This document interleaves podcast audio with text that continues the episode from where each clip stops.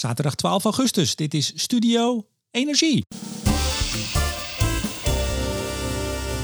Met vandaag een nieuwe aflevering van de Studio Energie Marktupdate. De show over wat er op de energiemarkt gebeurt en waarom. Met de marktanalist van Nederland, senior energie-econoom bij publieke zaken, Hans van Kleef. Goeiedag. En Studio Energie wordt mede mogelijk gemaakt door de vrienden van de show Lightsource BP, Stedin, Koninklijke FMW, Eneco en Neptune Energy. Hoe is het met Jans? Ja, goed. Het is, uh, het is zomer. En het is niet alleen zomer, het is eigenlijk ook een beetje zomers weer. Maar god, het hield niet op met regenen. Ja, zie jij er een beetje goed uit? Zie ik er goed uit? Ja, ze maken verschillen, maar wat bedoel je? nou, dit is een klein bruggetje om even de luisteraars te vertellen dat wij elkaar niet zien. Wij zitten niet oh, in Apkoude. Jij wel. Jij zit in Apkoude en ik zit in de, de grote Studio Energie Studio in Amsterdam. Stond ook geen aflevering gepland voor vandaag. Uh, ja, het is nog vakantie. Ik ben net terug. Nog een beetje een halve vakantiestemming. Maar ja, ik heb toch ernstige behoefte om met je te praten, Hans. Ja, ja er gebeurt uh, toch wel wat, hè? Nou, er gebeurt veel. Dus, uh, ja. ja, nee, absoluut. Olieprijs die stijgt toch al weken heel gestaag. Uh, woensdag ja. schoot de gasprijs ineens uh, 10% omhoog op één dag. Ja, ik dacht nee, hoogtijd. Meer. meer nog? Ja, nee, meer dan 40% heb ik gezien. Ja, maar dat is maar goed, even, even tijdelijk dan. Hebben. Ik heb het over het ja, sluiten van de markt, hè? Oh, oké, okay, ja. Uh, maar goed, ik dacht hoogtijd om met de marktanalist van Nederland te praten. En voordat we nou over olie en gas gaan hebben, Hans, uh, is er nog iets wat jou is opgevallen de afgelopen weken? Nou, ik, ik, heb me wel verbaasd over social media. Nou, verbaas ik me daar wel vaker over. Maar ik was van de week uh, met een, een, een, een, een, hoe zeg je dat? Op Twitter uh, het een en ander kreeg ik naar mijn hoofd geslingerd. Omdat we met een aantal andere analisten en experts hebben gezegd in de Telegraaf in eerste instantie en later ook op BNR. iets over gaswinning op de Noordzee. Um, en dat is dan toch wel, ik bedoel, je kan altijd van mening verschillen met mensen. Maar als je ziet wat voor verwijt je dan af en toe naar je hoofd krijgt, dat, dat is wel ja, bewonderenswaardig om te zien. Uh, en uh, uh, verbazingwekkend is misschien een beter woord. Dit, dit, is altijd een beetje als je, als je dezelfde visie hebt, dan lijkt het onder de vrijheid van meningsuiting te vallen. En op het moment dat je een andere visie hebt, dan ben je anti-lobby. Dus ja, ik, ik vind dat wel lastig. Of lastig, ik vind daar wel wat van. Ja. Wat, wat, wat kreeg je naar je hoofd, Hans? Was je weer een lobbyist of zo? Ja, dat. En ik word natuurlijk betaald om dit te zeggen. Wat echt de grootst mogelijke kolder is. Maar goed, um, uh, ja, kijk, inhoudelijke discussies zijn altijd prima. En je kan altijd van meningsverschillen over van alles en nog wat. Vind ik helemaal best. Maar uh, ik, vind er altijd wel wat van op het moment dat ze aan integriteit beginnen te twijfelen. Maar ja, dat is tegenwoordig uh, social media. Het is niet anders. Maar het, het, klinkt een beetje of je erbij neerlegt. En dat is op zich ook goed, want dan kan je lekker slapen. Maar ik heb dat ook vaak gehad. Ik ben wat minder op social media de laatste tijd. Uh, ik kreeg dan ook het verwijt dat ik betaald werd. En of, of zo'n, vooral de gniepige insinuaties. Hè? Oh, yeah. wordt, u, wordt u soms betaald? Word jij betaald? Weet je, het is verschrikkelijk. Het is, we moeten ons er ook niet bij neerleggen. Het is het, het, nee, het vuigste van het vuigste. de andere kant op ook. En dat uh, bedoel, alleen die, dat verwijt zie je dan niet zo vaak. Ik zou dat nooit bij iemand uh, doen. Maar misschien ben ik naïef of weet ik veel. Maar nou, het zal wel. Ja, nou mij is ook iets opgevallen en dat gaat niet hierover. Maar uh, ik ben met mijn vrouw voor het eerst sinds jaren weer eens met een auto naar uh, Noord-Italië gereden. Dat betekent Hans, althans in ons geval, dat je door Duitsland gaat. En uh, nou, daar rij je dus uren en uren over die autobaan. En nou, nogmaals, jaren geleden dat we dat gedaan hebben. En ik verbaasde me, nou nee, ik verbaasde me niet, ik wist het wel. Zo ontzettend veel windmolens die ik zag. In Duitsland, ja, tuurlijk, ja. En, en dan vooral op die, op die heuvels, hè? je kent dat wel. Uh, heuveltje hier, heuveltje daar. En nou, daar staan er tien en daar staan er nog veel meer. Um, en ik zat daar zo eens naar te kijken. Ik dacht, ja, dit, dit, dit is dus, dit moet de backbone worden van dit grote industrieland Duitsland. Um, om aan zijn energie te komen. En het gaf een raar gevoel. Misschien was het ook af en toe de vermoeidheid dat ik half zat weg te sukkelen. Niet achter het stuur, beste mensen, maar natuurlijk op de passagiersstoel. Dat je, ja, het was bijna een soort vervreemdend ja. beeld af en toe.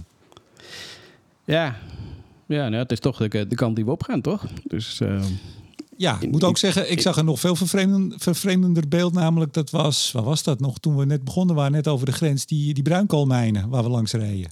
Mijn, ja. mijn hemel. Ja, dat, uh, die, die hebben we ook nog steeds nodig. Oh, ik, ik, ja, ik, ik ben daar niet zo bekend in die contraien, maar daar, daar rij je heel erg lang langs een heel, heel diep gat. Ja. waar ze maar bezig blijven. Ja. ja dat, en, en nog eventjes nodig ook, want ja, de, de atoomaustiek die, die, die, ging, die gaat voor. Ja. Ja, die gaat crescendo, hè? Allemaal dicht. Alle kerncentrales dicht. Goed voor het klimaat. Ja, precies. Dit nou was cynisme, dames en heren. Hans, we gaan naar de olie. Hoe staat het met de olieprijs? Nou ja, je zei het al, hè, die loopt gestaag op. Uh, inmiddels uh, zitten we op nou, bijna 87 uh, eh, dollar per vat. maar we hebben natuurlijk een hele tijd een beetje in een nauwe bandbreedte gezeten. een paar maanden lang. waarbij we eigenlijk ja, nauwelijks boven de 6,77 uitkwamen. Dus tussen 72 en 77 was een beetje die, die, die range. Um, en eigenlijk sinds begin juli, tweede, ja, ja, helft juli, um, ja, gaan we eigenlijk gestaag naar boven. En dat, dat, dat, dat lijkt wel een lineair lijntje te worden. Of dat is het eigenlijk al maar dat, dat gaat maar door. Ja, want ik, ik, ik zat zelf ook nog even te kijken. Uh, hoogste prijs op dit moment sinds november vorig jaar. Ja. Dat is een tijd geleden. Ja, en op zich uh, wel, wel opvallend. Want je ziet, uh, er was natuurlijk heel veel verwachting hè, dat China de vraag zou laten aantrekken. En daardoor zou die olieprijs heel erg omhoog gaan. Dat was de verwachtingen van analisten. En eerlijk gezegd, dat, uh, dat dachten we hier in Nederland en ik zelf dus ook. Van, dat het best wel snel zou gaan. En in het begin zagen we dat ook. Hè, want China die kwam uit een lockdown. En dan zagen we echt die vraag naar olie aanzienlijk aantrekken. maar goed, als je dan erover nadenkt. Dan, ja, eigenlijk is dat ook logisch. De, die, die Chinezen hadden elkaar heel lang niet gezien. Die gaan op pad met z'n allen. Dus ja, dat, dat, dat betekent dat de vraag naar energie toeneemt. Maar de industrie, ja, dat duurt gewoon langer voordat dat uh, aantrekt. En uh, we zagen ook nog wel wat extra vragen, omdat ze die strategische reserves aan het opbouwen uh, waren en zijn. Um, mm. Ja, dat, dat, dat, blijven Chinees. Op het moment dat er een, een koopje in de markt is, dan, dan koop je het in. Um, en um, dat, dat, dat zorgt dus ook nog voor die extra vraag. Maar toch, die, die industriële vraag die blijft nog wat achter. Uh, deels ook omdat de economie natuurlijk hier uh, niet heel erg uh, florissant gaat. Dus ja, wij kopen gewoon minder daar. En dat betekent dat die industrie daar ook minder snel op stoom komt. En ja, dat, dat is ook iets wat een, een dempende factor blijft, zeg maar, als je een paar maanden vooruit kijkt. Dus ik denk nog steeds dat die vraag naar olie, en dat is ook vandaag bevestigd hè, door het IEA en OPEC zelf ook, kunnen we het zo nog even over hebben. En neem het op ehm, vrijdag op, zeg ik er meteen even snel bij. Oh ja, ja, klopt. Goed die het zegt. Um, maar die, die zeggen ook van die vraag naar olie blijft wel stijgen. Um, maar ja, die, die, zou toch enigszins geremd kunnen worden, omdat die, die groei uh, van die vraag uh, voor 70% uit China komt, maar nog steeds niet heel erg hard gaat.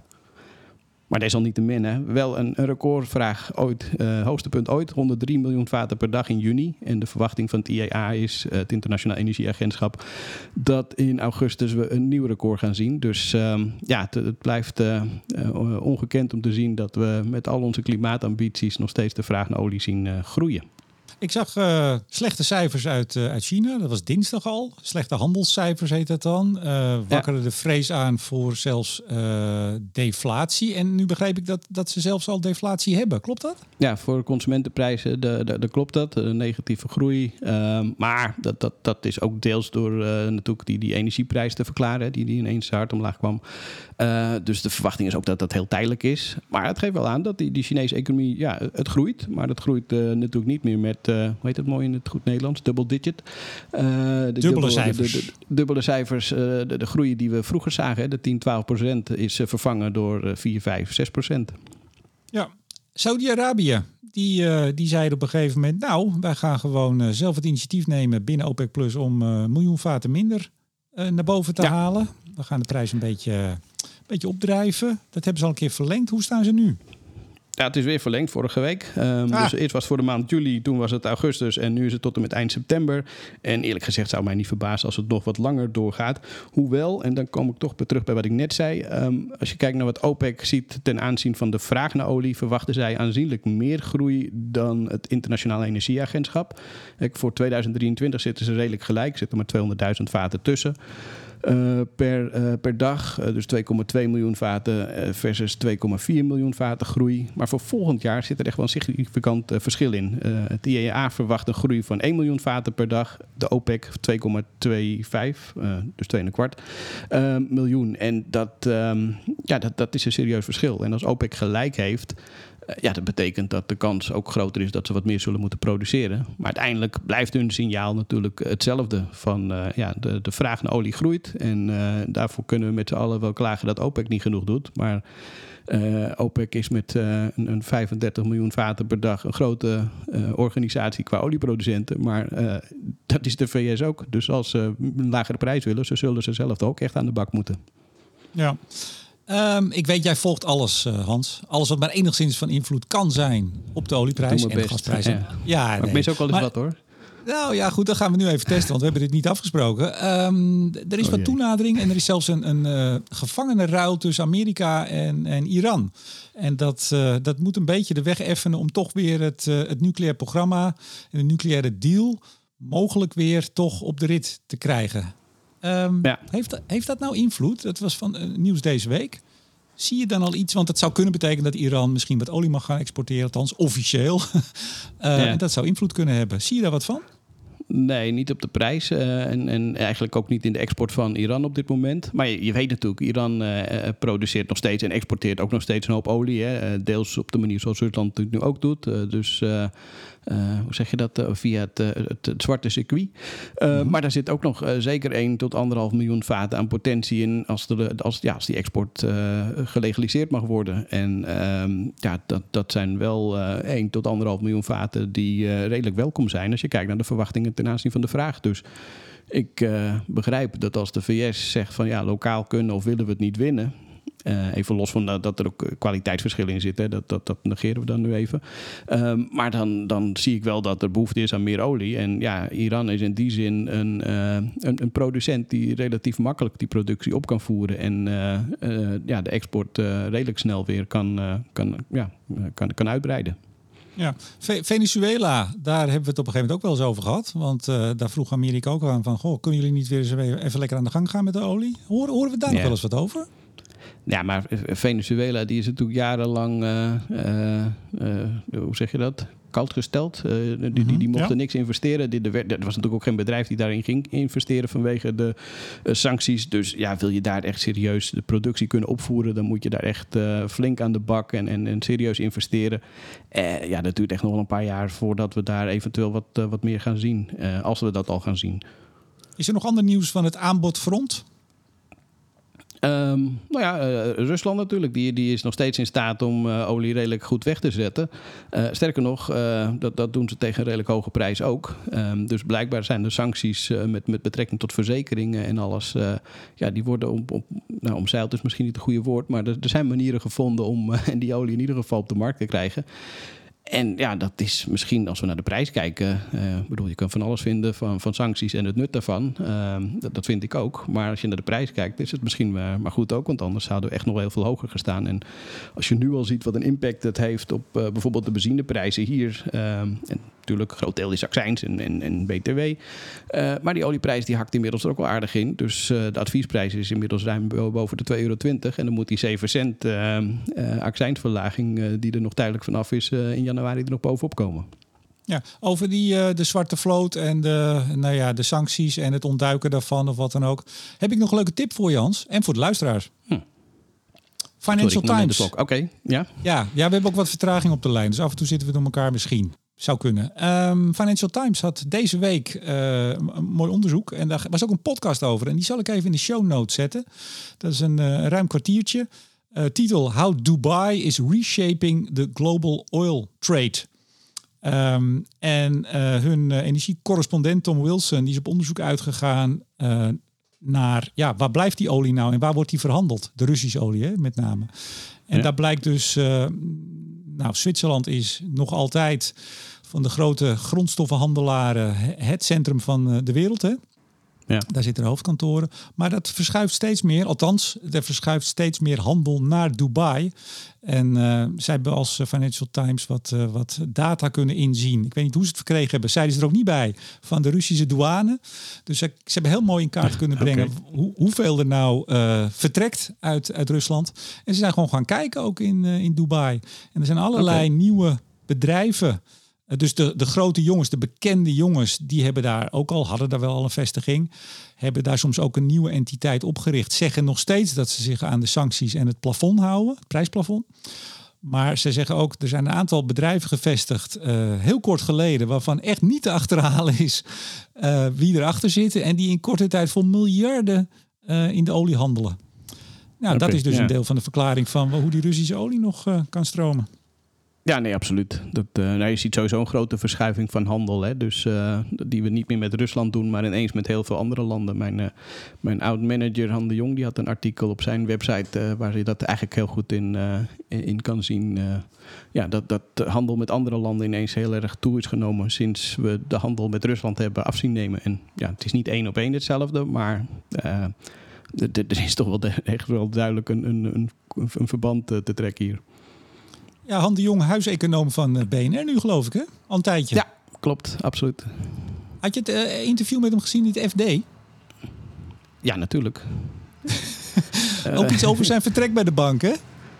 Uh, ook, maar uh, ook over uh, dat hij de discussie rondom het klimaat af en toe wat, laten we zeggen, fanatiek gevoerd vindt worden. en ja, en, ja daar, daar, daar vindt hij wel het een en ander van. Ja, ik vond het een mooi stukje. Dan gaan ze met iemand uit eten. Het is geloof ik één keer in de week. En uh, dat was nu met, uh, met jouw oude baas. Ja, klopt. Terug te lezen op het FD. Ja, mooi, mooi kerel. Um, tip dus, die, uh, die podcast. Nogmaals, ik zet hem in de show notes. Nog een tip. Jouw column. Is alweer even geleden, maar drie weken geleden geloof ik. Hè, op Energiepodium. Inflatiespook kan energietransitie langer blijven achtervolgen. Beetje technisch misschien. Is het samen te vatten voor de luisteraar? Uh, ja, tuurlijk. Um, uh, hoe lang heb ik? Nee, onzin. Um, uh, ja, nee, wat je nu ziet is dat de inflatie natuurlijk heel erg naar beneden is gekomen. En dat een belangrijk deel daarvan is dat de energieprijzen natuurlijk onwijs verlaagd zijn. Hè? Inflatie wordt altijd berekend van het ene jaar op het andere jaar. Nou ja, als je zeg maar vorig jaar keek, was de prijs heel erg gestegen. Dus dan neemt de inflatie hard toe. Nou ja, ten opzichte van vorig jaar is in, de energieprijs heel erg omlaag. Dus als je dat met elkaar gaat vergelijken, dan heeft het een, een drukkend effect op inflatie. en inflatie is natuurlijk bepalend voor wat centrale banken gaan doen uh, met hun rente. En dat is weer bepalend voor bijvoorbeeld investeringen in hernieuwbare energie. Um, en eigenlijk zie je nu heel veel geluiden dat um, die rentestijgingen wel een beetje achter ons liggen, omdat die inflatiedruk afneemt. Uh, en eigenlijk zeg ik in, dat, in die column van ja, let op, uh, dat is op dit moment wel zo. Maar uh, vergeet niet de risico's die we nog steeds zien voor, nou ja, we hebben het over die stijgende olieprijzen. maar voor gas is het eigenlijk precies hetzelfde verhaal. Die zijn ook, nou, dat hebben we afgelopen week gezien, hè, die kunnen ook heel erg hard stijgen. en dan zitten we nu midden in de zomer, dus laat staan wat er van de winter kan gebeuren. En dat betekent dat je dus weer een opwaartse druk op inflatie zou kunnen krijgen, wat dus weer een effect heeft op die rentestanden. Dus um, iedereen die heel stellig zegt van ja, die, die rentes die gaan niet heel veel meer omhoog, want inflatie omlaag. Ja, die, uh, die probeerde ik hiermee uh, voorzichtig te waarschuwen. Nou, te lezen op uh, www.energiepodium.nl. De link staat in de show notes. En dan, uh, nou, je hebt het keurig mooi kort samengevat. Maar dan kunnen mensen wat uitgebreider lezen. En daar eens even Zeker, diep over ja. nadenken. Of ze het wel met je eens zijn. En dan kunnen ze op social media kunnen ze gaan, kunnen ze gaan reageren. Ja, dan lobby ik, lobby ik voor de centrale bank waarschijnlijk. Dus ja, fantastisch. Hey, het woord viel al risico's en het woord gas viel. En het, uh, het, het woord prijsstijging uh, van de afgelopen, wat was het, woensdag geloof ik hè? Um, woensdag, ja. Wat ja, is er gebeurd? Nou, het grappige is, ik, ik zat. Um, ik, ik, heb zelf uh, Reuters, uh, we hebben Montel en je hebt natuurlijk Bloomberg. Dat zijn eigenlijk uh, de, de, de, belangrijkste bronnen die, die je hebt naast al, van, van, alles anders. En, maar het grappige is dat zij met allerlei andere redenen kwamen waarom die prijs omhoog ging. En waar Reuters vooral zei van ja, het is ineens windstil in Duitsland, um, dus meer gasvraag en dat duwt die prijs omhoog. zat Bloomberg in eerste instantie, en dat werd later ook opgepakt, te, te wijzen naar de mogelijke stakingen in de LNG-sector in Australië. Uh, waardoor er mogelijk krapte zou kunnen ontstaan in de Europese markt. En dat zou die prijs omhoog hebben gedrukt. En het, dat, dat is eigenlijk wel fascinerend om te zien uh, vanwege een paar redenen. En een belangrijke daarvan is, um, Australië exporteert helemaal geen LNG naar, nou in ieder geval niet naar Nederland en niet al te veel naar Europa. Um, dus een direct effect zou dat natuurlijk niet hebben. Uh, wat je wel zou kunnen denken is dat ze dan minder naar Azië gaan exporteren. En ja, die moeten het ergens anders vandaan halen, dus komt er meer naar Europa. Nou, Oké, okay, dat, dat, dat, kan. Maar als je dat dan mm-hmm. linkt aan de huidige hoge voorraadniveaus. Hè, we zitten boven de 90% op dit moment qua gasvoorraden in Nederland. Dus echt uh, ja, veel gunstiger dan dit kunnen we er niet voor staan voor de winter. Uh, en als je dan ziet dat het contract voor de maand september, dus dat is nog niet eens in de winter, maand september, die gaat dan met 40% omhoog, gebaseerd op dit nieuws. Ja, dat, dat slaat echt nergens op, uh, zeg ik heel voorzichtig. Um, maar ehm, dus dat, dat, argument om, om die prijs voor de maand september. Kijk, als je nou denkt van ja, die prijs voor de winter gaat omhoog of voor volgend jaar. Ja, oké, dat makes sense. Maar die, die deden juist niets. En de maand september ging omhoog. Dus wat ik dan denk, is dat blijkbaar die handelaren heel erg zitten te wachten op een headline die matcht met van uh, ja, we, we, willen weer uh, speculeren op prijsstijgingen. We, we, verwachten dat aan de onderkant van, van die prijsrange zitten, van van de markt. Um, uh, en dat begrijp ik, hè, want de risico's zitten vooral naar boven. Maar om dan dit argument aan te dragen, ja, dat, dat, dat zie ik zelf 1, 2, 3 niet.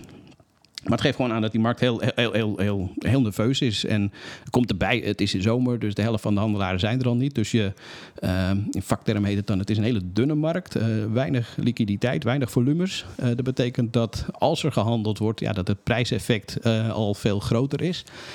en dat ja, dat soort prijsbeweging dus wat overdreven wordt. Maar ja, wat ik zeg, de, de argumentatie eronder, die vond ik wat zwak.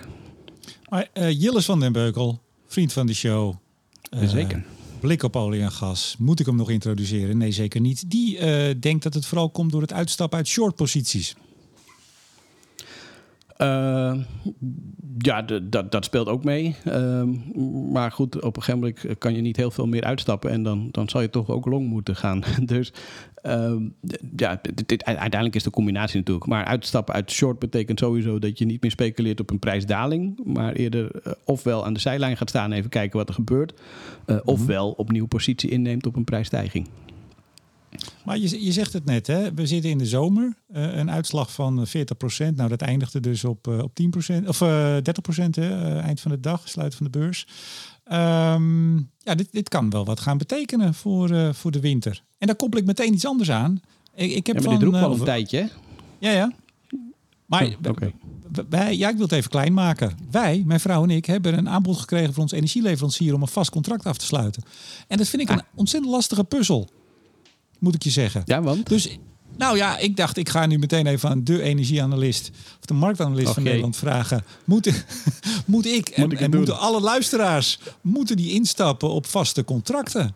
Hans van Kleef oh, ja, van Publieke ja, Zaken. Ja. Ik heb uh, toevallig, wanneer was dat? In juni heb ik een interview gegeven bij de NOS. Daar kreeg ik een beetje dezelfde vraag. En ik dacht, of de record te zeggen van... Uh, ja, ik heb zelf mijn contract net voor een jaar vastgelegd... en ben ik in ieder geval de winter voorbij... en dan zien we wel weer verder. maar dat hebben ze opgeschreven. En vervolgens gingen alle vrienden van mijn ouders bellen... wat ze moesten doen. Dus ik, ik bij deze... Ik, ik, het is niet dat iedereen gaat bellen ineens. Um, nee, uiteindelijk, ja, wat, wat is wijsheid? Dat, dat, je ziet twee, twee stromingen. Daar heb ik ook een, laatst een column over geschreven, volgens mij. Dus die kun je ook nog teruglezen op Energiepodium. Um, uh, de ene die zeggen van ja, we hebben veel meer zon en wind. We hebben heel veel negatieve prijzen uh, overdag. Uh, vandaag gaan we ook aardig die kant op. Um, dus dynamische contracten. Maar ja, dat is echt niet voor iedereen weggelegd. Dus tegelijkertijd zie je aan de andere kant mensen die zoiets hebben van... ja, ik heb mijn hypotheek ook voor 20 jaar vastgelegd. Ik wil ook niet die onzekerheid over energieprijzen. ja, als je dan een goed bod krijgt voor je energierekening... Ehm, en ja goed, ik zou altijd zeggen vergelijk de, de, de, de, de, de aanbiedingen met elkaar. Ga nooit nooit op één, uh, één, één bod af. Mm. Um, maar ja, dat, dat geeft wel een stukje zekerheid. En ja, dan betaal je misschien iets meer. Maar zekerheid, uh, daar slaap je ook wat beter van over het algemeen. Dus, ja, nou ja, en iets, dat, is, dat is voor iedereen verschillend. Dus ik, ik kan nooit ja. zeggen wat, wat voor jou en, en voor jouw vrouw uh, een goed advies is. Maar uh, ik zou zeggen, doe vooral wat goed voelt. Nou, wij hebben even de prijzen erbij gepakt. Want ik, ja, dat is ook een beetje luxe hoor. Ik hou me er eigenlijk nooit mee bezig. Dat is misschien een beetje gek als ik het zo zeg. Maar we, we hebben toch eens even de prijzen van. De, de, de, de energiepodcast niet bezig is met de energieprijzen thuis. Ja, ja zo bij de loodgieter thuis lekt de kraan. Hè? Zo gaat dat. Maar ja. um, prijzen 2019 erbij gepakt. Uh, nou, het is natuurlijk al een tijdje geleden. Maar in ieder geval ruim voor de, de crisis. De energiecrisis. En het bod wat wij nu krijgen, dat ligt zo'n nou, bijna 50% boven dat bedrag wat wij toen betalen als vast maandbedrag. Uh, nou, dat vind ik wel veel, nog steeds. Ja, nee, dat is, uh, dat is Maar goed, aan de andere kant, als je kijkt naar de jaarprijzen voor gas, uh, die staat nu bijna op 52 euro per megawattuur. Dat is ook ruim twee keer zoveel als dat het was. Dus ja. in die zin uh, hoeft het. Uh, nee, ja, kan, kan het kloppen. Dat, ja. dat is eigenlijk wat ik zeggen wil. Maar dan nog hey. zou ik zeggen: vraag ook wat bij wat andere leveranciers op en, en vergelijk het met elkaar. Ja, maar dan moet ik weer. Ik heb bij de huidige heb ik ook, omdat we er al heel lang zitten. Ik, wij springen niet zo, zo makkelijk. Uh, hebben we een, een, mooie lange termijn. Hoe zeg je dat? Lange klantkorting. Goede klantkorting. Dus moet dat ook weer een ja, beetje. En als je ergens anders zonder korting even goed een lagere prijs krijgt. Maar ja, goed, weet je. Pakken, ja. zeg jij dan. Kijk, hey, nu we toch in, kijk zelf. ja. Nu, nu we toch in het consumentenhoekje zitten. Want ik ben net terug van vakantie. Ik zit er nog niet helemaal scherp in. Zeg ik er meteen bij dat, um, het energieplafond, uh, dus de, de steun aan burgers via de rekening van de overheid richting de energiebedrijven. Ik zeg het heel raar, maar je weet wat ik bedoel. Ja, ja. Uh, is dat nou al afgelopen? Gaat het aflopen? Hoe zit het? Nee, nee in januari, hè? Dat, uh, of eind 31 december, dat, uh, dat, tot, tot dan loopt het en daarna is het klaar. Dus dan ben je overgeleverd aan de grillen van de markt. Ja, en dat is dus de vraag. Dat is dus als je op het moment nu dus, uh, ja, tenzij uh, een, een, een, kabinet of demissionair kabinet beslist om alsnog dat te verlengen. Maar uh, dat is tot nu toe is daar geen zicht op. Dus ik ga ervan uit dat het gewoon eind van het jaar klaar is. En ja, dat is dus het voordeel als je wel een jaarcontract of een langer contract neemt.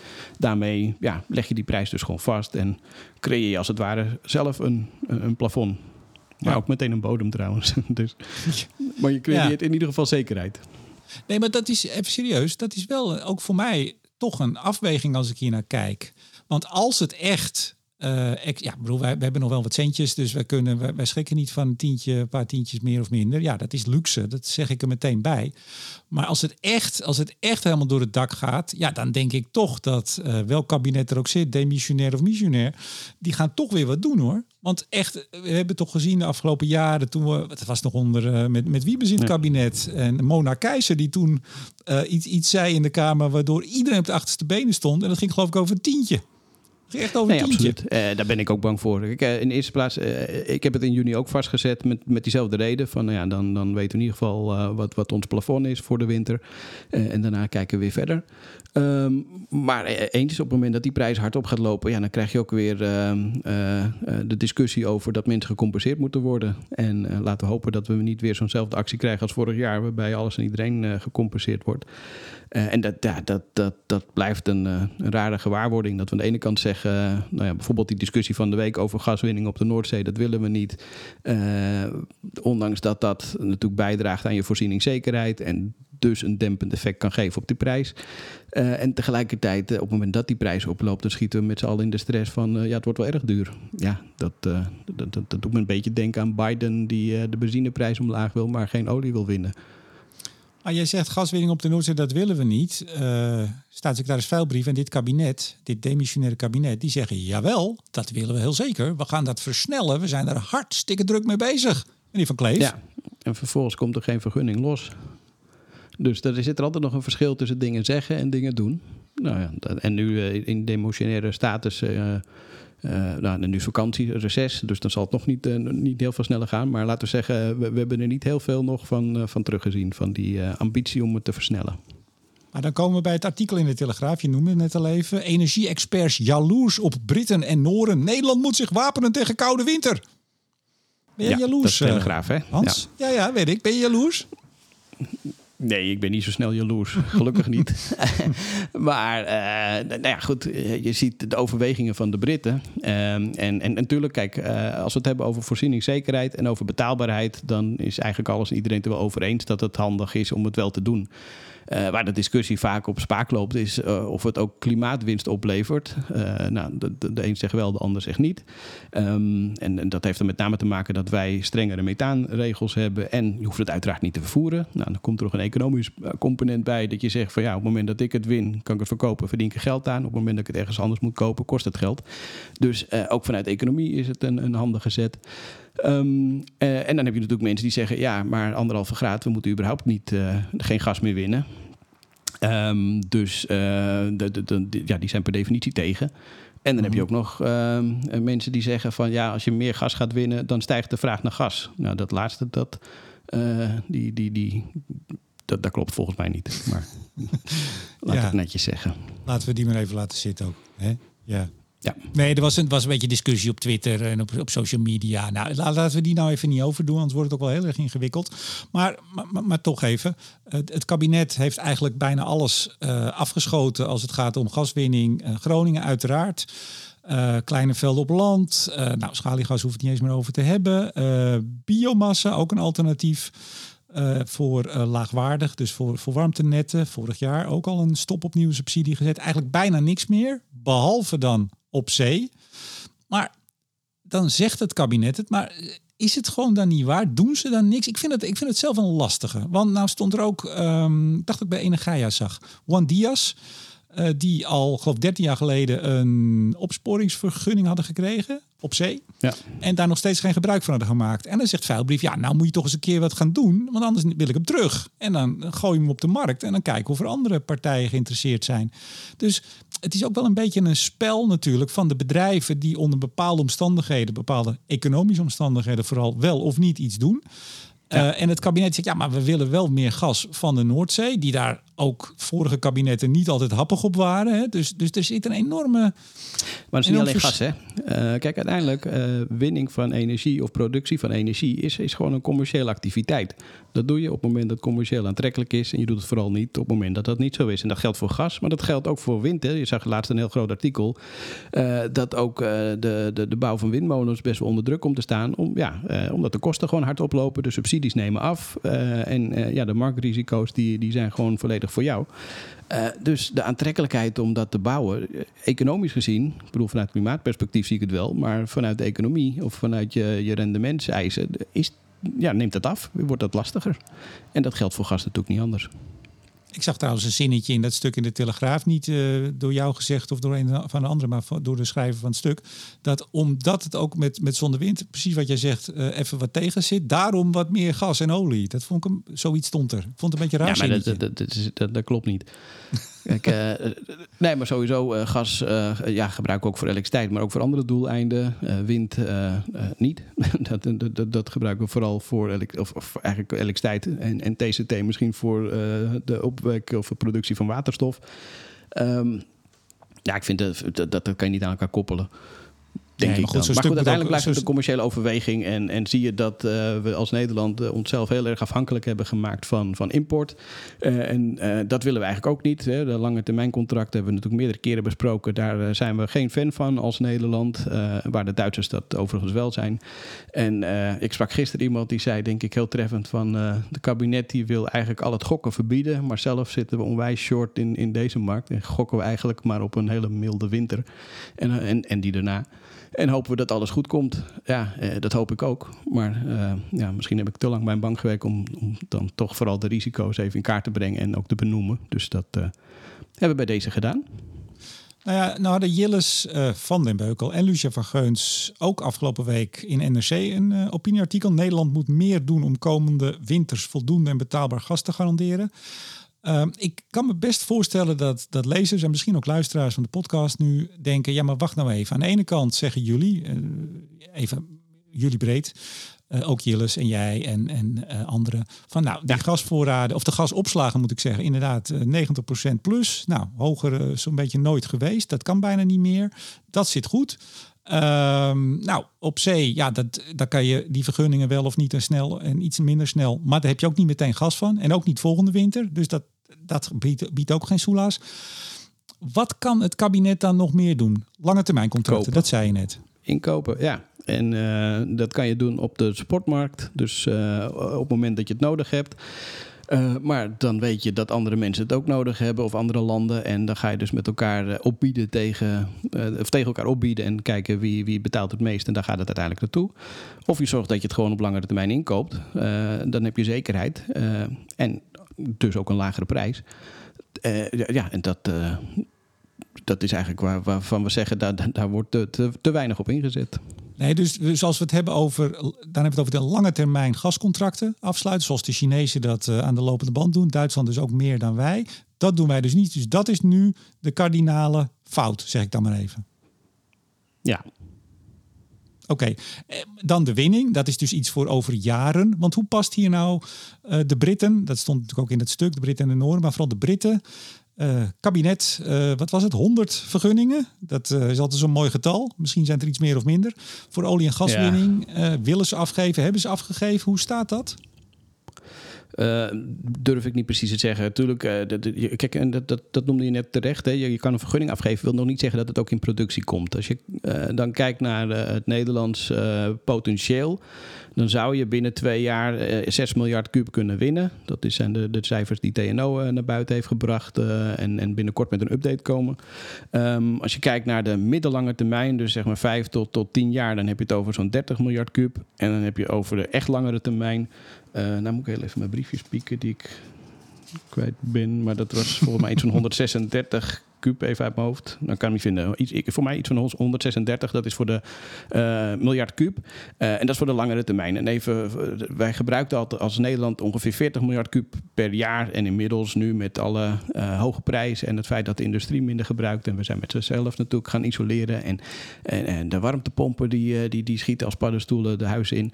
Um, dat maakt dat de vraag op dit moment zo rond de 30 miljard kub ligt. Dus uh, ja, uh, het is niet voldoende om helemaal importafhankelijk te worden. Dus dat blijft nodig. Maar elke kub die we hier winnen, uh, ja, hoef je niet te importeren. En maak je dus minder afhankelijk van, van anderen. Ja, nou, dus aan de slag. Ja, lijkt mij wel. Maar goed, nogmaals, die contracten. Ja, ik vind het toch wel belangrijk om even nog, nog een keer te benadrukken. Die contracten sluiten, lange termijn contracten. Dat maakt dat is echt het verschil wat het kabinet nu moet maken en maakt dat dus niet. Nou ja, naast natuurlijk inzetten op, op andere dingen. Efficiëntie, kijk, eh, hoe minder je verbruikt, hoe minder je nodig hebt. Dus dat blijft nodig. Uh, hernieuwbare energie uh, noemden we ook al. En, en dat is wat, wat men vaak zegt. Ja, als we het ene doen, doen we het andere niet. Nee, dat, dat zijn twee losstaande dingen. Je moet vol inzetten op hernieuwbare energie. Maar tegelijkertijd weten we dat we nog decennia lang gas nodig hebben.